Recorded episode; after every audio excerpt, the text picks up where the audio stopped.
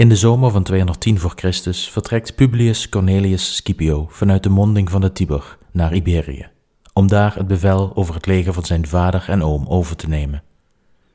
Hij ontving van de Senaat zo'n 10.000 troepen om zijn campagne in Iberië hopelijk tot een succes te maken. Via de zuidkust van Frankrijk kwam hij aan in het uiterste noorden van het Iberische schiereiland, waarschijnlijk nabij Emporier, zo'n 100 kilometer ten noorden van hedendaags Barcelona, vanwaar hij marcheerde naar het Romeinse hoofdkamp in Tarraco, hedendaags Tarragona. Al hier trof hij de restanten aan van de legers van zijn vader en oom, die glansrijk waren verslagen door de Carthagers.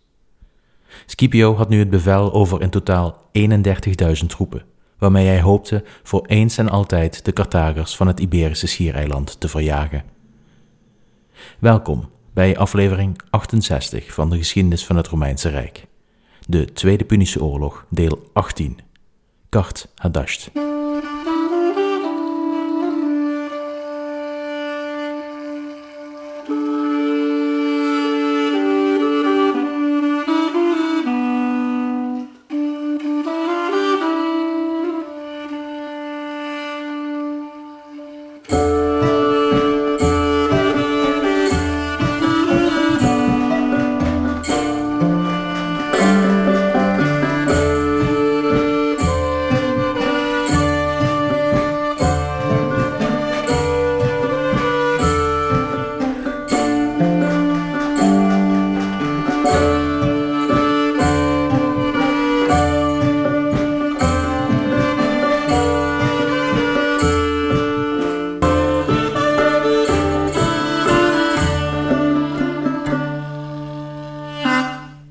Aankomst in Iberië sloeg Scipio zijn legerkamp op nabij Tarraco, een stad gelegen ten noorden van de Ebro in Romeins gebied, hedendaags Tarragona. Hij kwam aan in het winterseizoen van 210 voor Christus. Het campagneseizoen liet dus nog even op zich wachten en Scipio gebruikte deze tijd om zijn strategie te bepalen. Scipio realiseerde zich als geen ander dat zijn leger met 28.000 infanteristen en 3.000 cavaleristen kleiner was dan alle drie de Carthaagse legers aanwezig in Iberië. De Carthaagse legers waren echter verspreid over een groot gebied. Wanneer hij zou kiezen voor een directe aanval op de legers, dan zou hij ervoor moeten zorgen dat hij ze één voor één zou uitschakelen. Deze strategie was riskant. Scipio had Pyrrhus in zijn achterhoofd, de Griekse koning die al zijn veldslagen won, maar de oorlog uiteindelijk verloor. Scipio kon zijn gevallen troepen niet vervangen met nieuwe recruten, waar de Carthagers deze mogelijkheid wel hadden. Een aantal Pyrrhus-overwinningen en zijn campagne zou uitmonden in een ramp. Daarnaast speelde ook tijd een grote rol voor Scipio. Wanneer hij de drie legers afzonderlijk van elkaar zou bevechten en ook nog eens zou overwinnen, wat maar zeer de vraag was, dan zou Carthago zeker nieuwe troepen vanuit Afrika in de richting van Iberië sturen. De aantallen die na verloop van tijd op de Iberische stranden zouden aankomen, zouden enorm zijn en Scipio en het Romeinse gebied vrijwel zeker overlopen. Scipio moest dus een manier vinden om op een snelle manier de overwinning te behalen in Iberië en hulptroepen uit Afrika zien te voorkomen. Hij liet die winter dan ook geen minuut onbenut om zijn campagne voor te bereiden. Hij knoopte diplomatieke banden aan met de Iberische stammen in de omgeving om zijn gebied ten noorden van de Ebro veilig te houden van rebellie. Hij sprak met stamhoofden en lokale inwoners. Hij stuurde informanten naar het zuiden om informatie op te halen. Hij liet zijn schepen langs de kusten varen om een en ander in kaart te brengen. Scipio liet zich graag goed informeren. Hij nam veel tijd en stak veel moeite in het verzamelen van inlichtingen wellicht iets dat hij geleerd had van de grote nederlagen die de Romeinen hadden geleden in hun gevecht tegen Hannibal, waarbij ze dikwijls zonder enige informatie de val van de vijand inliepen. De informatie die hij op deze manier verkreeg, gebruikte hij bij het bepalen van zijn strategie tegen de Carthagers in Iberië. Zijn informanten vertelden hem over het Carthaagse leger in Iberië dat zich had opgesplitst in drie aparte troepenmachten ze vertelden hem over de locaties van deze legers, verspreid over Zuid-, Midden- en West-Iberië. En ze vertelden hem over de belangrijke steden en aanvoerroutes die de Carthagers gebruikten. Scipio nam alle informatie die hij verkreeg tot zich en kwam tot een gewaagde, onromeinse strategie. Hij koos er, in tegenstelling tot Romeins gebruik, niet voor om recht op zijn vijand af te marcheren. Maar hij koos een strategisch doel, namelijk de stad Kart Hadasht, hedendaags Cartagena. Scipio had door zijn goede voorbereiding ingezien dat Hadasht het episch centrum was van de Carthaagse macht in Iberië.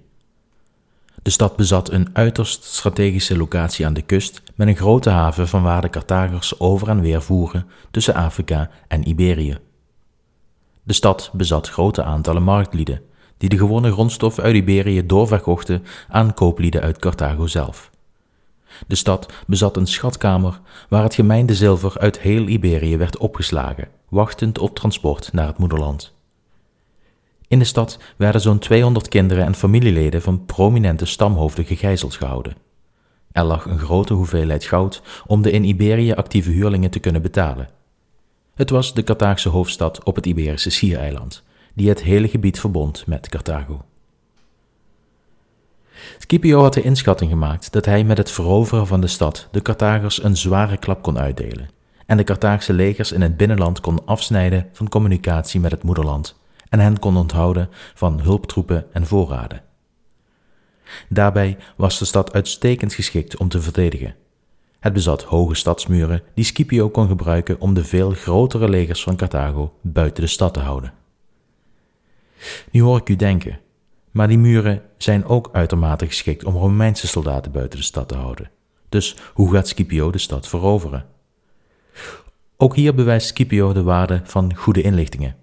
Hij wist dat een aanval op een dermate goed verdedigde stad veel tijd in beslag zou nemen. In het meest gunstige geval weken, maar meer waarschijnlijk maanden of zelfs jaren. Tijd die hij niet had. Volgens Polybius was het dichtstbijzijnde Carthaagse veldleger op minder dan tien dagen afstand van Kart Hadasht. Maar Scipio ging niet over één nacht ijs. Hij had van ervaren veteranen uit zijn leger, die al onder zijn vader en oom hadden gediend, vernomen dat de stad uitermate goed gesitueerd was. De stad was omringd door water. Het lag iets landinwaarts van de kust op een verhoging. Aan de zuid- en aan de westkant van de stad was er zee, onbegaanbaar voor een landleger. En aan de noordkant lag een lagune, ook wel bekend als een strandmeer, die ook moeilijk begaanbaar was en het onmogelijk maakte de stad via deze kant aan te vallen. De stad was via de oostkant verbonden met het vasteland door een smalle landbrug. Echter sprak Scipio tijdens zijn voorbereiding met vissers uit Tarraco, die bekend waren met het gebied rondom Hadasht. Zij wisten hem te vertellen dat het waterpeil in de lagune aan het noorden van de stad bij het vallen van de avond enkele uren daalde, zodat deze begaanbaar werd voor kleine aantallen mannen. Het is niet met zekerheid te stellen, maar wellicht dat deze informatie Scipio overtuigde dat een snelle inname van de stad mogelijk was. Nadat het winterseizoen ten einde was, marcheerde hij in 209 voor Christus zonder zijn manschappen in te lichten over de bestemming in recordtijd van Tarraco naar Carthadasht. Volgens Livius binnen acht dagen, maar dit lijkt onmogelijk gezien de afstand die het leger moest afleggen. Hoe dan ook, hij verplaatste zich razendsnel om te voorkomen dat de Carthaagse legers zich zouden herpositioneren bij het vernemen van Scipio's beweging. Hij zette zijn legerkamp op net buiten de stad. Zijn snelle aankomst had de Carthagers volledig verrast. De stad was slechts verdedigd door duizend huurlingen en zo'n 2000 burgersoldaten, onder leiding van nog een mago. Echter, zoals ik u al heb uitgelegd, was de stad goed verdedigbaar ook als het vijandelijke leger een stuk groter was dan het garnizoen.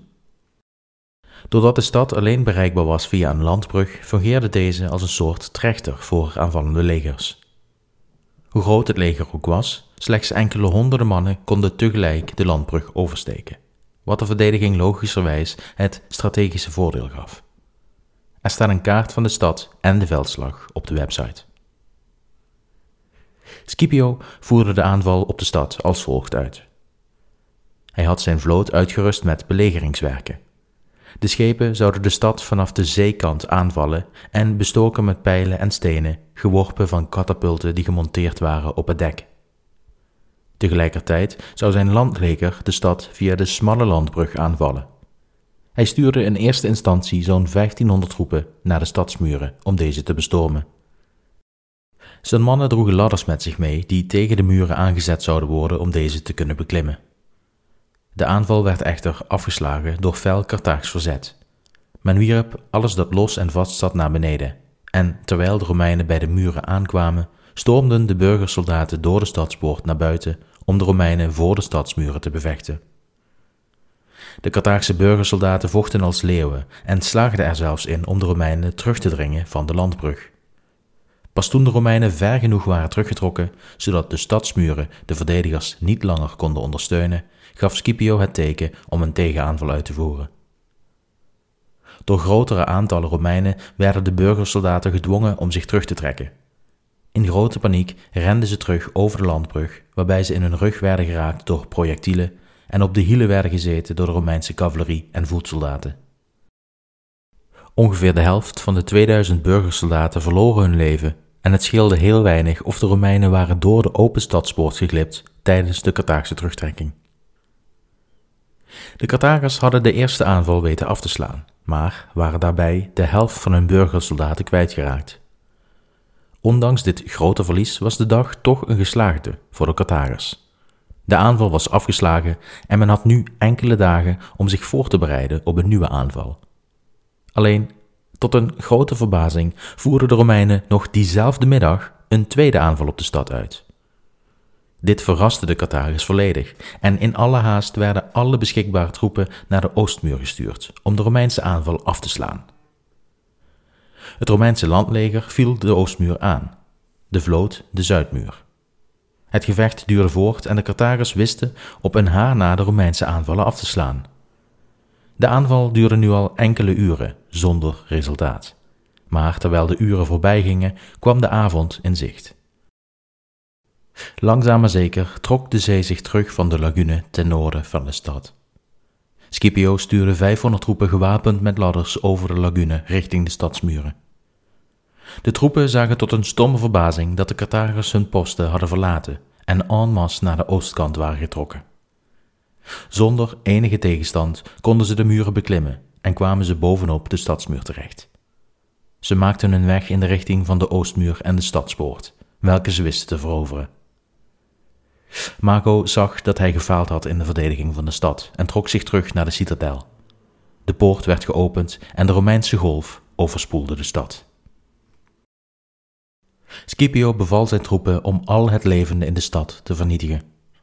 Mannen en jongens werden op de meest brute wijze omgebracht. Vrouwen en meisjes werden verkracht en zelfs dieren werden in stukken gehakt in een storm van bruut geweld. De slachting van de stad was, zelfs voor deze tijd, ongebruikelijk bruut. Polybius beschrijft dat er ledematen van mens en dier verspreid lagen door de stad. De beslissing om de stad zo bruut te behandelen was waarschijnlijk een bewuste keuze van Scipio.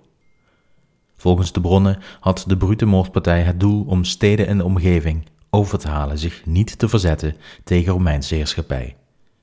En hij wilde bewerkstelligen dat Mago, die de citadel nog in handen had, zich zou overgeven. Dit laatste gebeurde inderdaad. Toen Mago de slachting van zijn stad aanschouwde, gaf hij zich over aan de Romeinen om een eind te maken aan het bruut geweld. De Romeinen kregen met de verovering van de stad zo'n 10.000 krijgsgevangenen erbij. Vele van hen waren Punische kolonisten, staatsburgers van Carthago. Scipio stond hen toe om terug te keren naar Carthago. De overige inwoners van de stad werden tot slaaf gemaakt, met de belofte hun vrijheid te verkrijgen wanneer Carthago verslagen was. Zij werden met name ingezet als roeiers op de Romeinse schepen. Scipio liet de gegijzelde familieleden en prominente stamhoofden terugbrengen naar hun vaders, echtgenoten enzovoort. De vele Iberische ambachtslieden die de stad rijk was, werden ingezet om Scipio's leger te onderhouden, de stadsmuren te repareren, de schepen weer zeeklaar te maken, enzovoort. De plundering en verovering van de stad had een enorme voorraad aan allerhande goederen opgeleverd.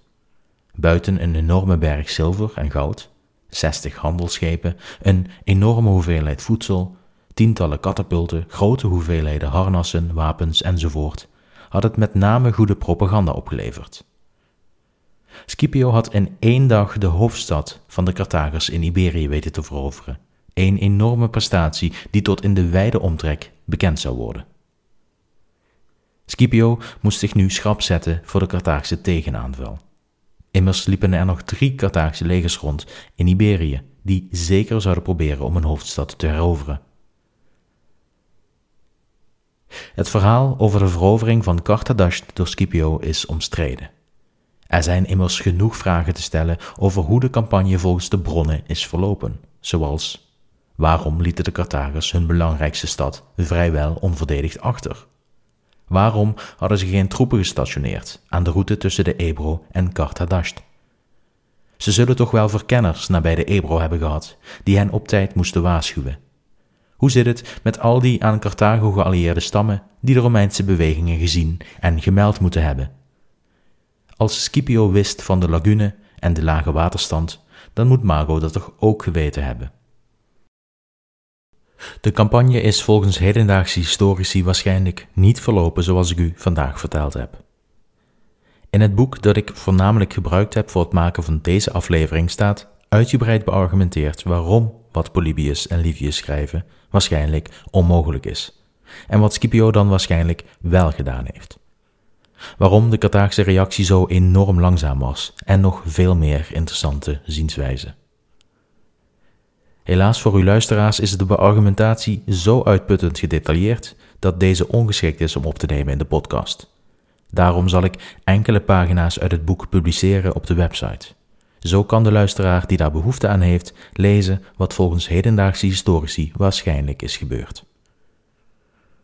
Hoe dan ook, de flitsende verovering van Scipio is een heel belangrijke gebeurtenis in de Tweede Punische Oorlog, en volgens sommigen zelfs de wond die de Carthagers uiteindelijk laat doodbloeden. Het blijkt later de kentering te zijn in de oorlog en het geeft Scipio de middelen om zijn campagne succesvol voort te zetten. In de volgende aflevering gaan we het hebben over de directe gevolgen van de verovering van Carthadasht en zien we hoe Scipio zijn campagne in Iberië vervolgt. Dan rest me nog om Mary Ann Tedstone Glover en Integrity Publishing te bedanken voor het gebruik van The Music of Ancient Rome. U vindt meer informatie over haar muziek in de beschrijving van deze aflevering. En natuurlijk bedank ik ook, zoals altijd, u voor het luisteren. Tot de volgende keer.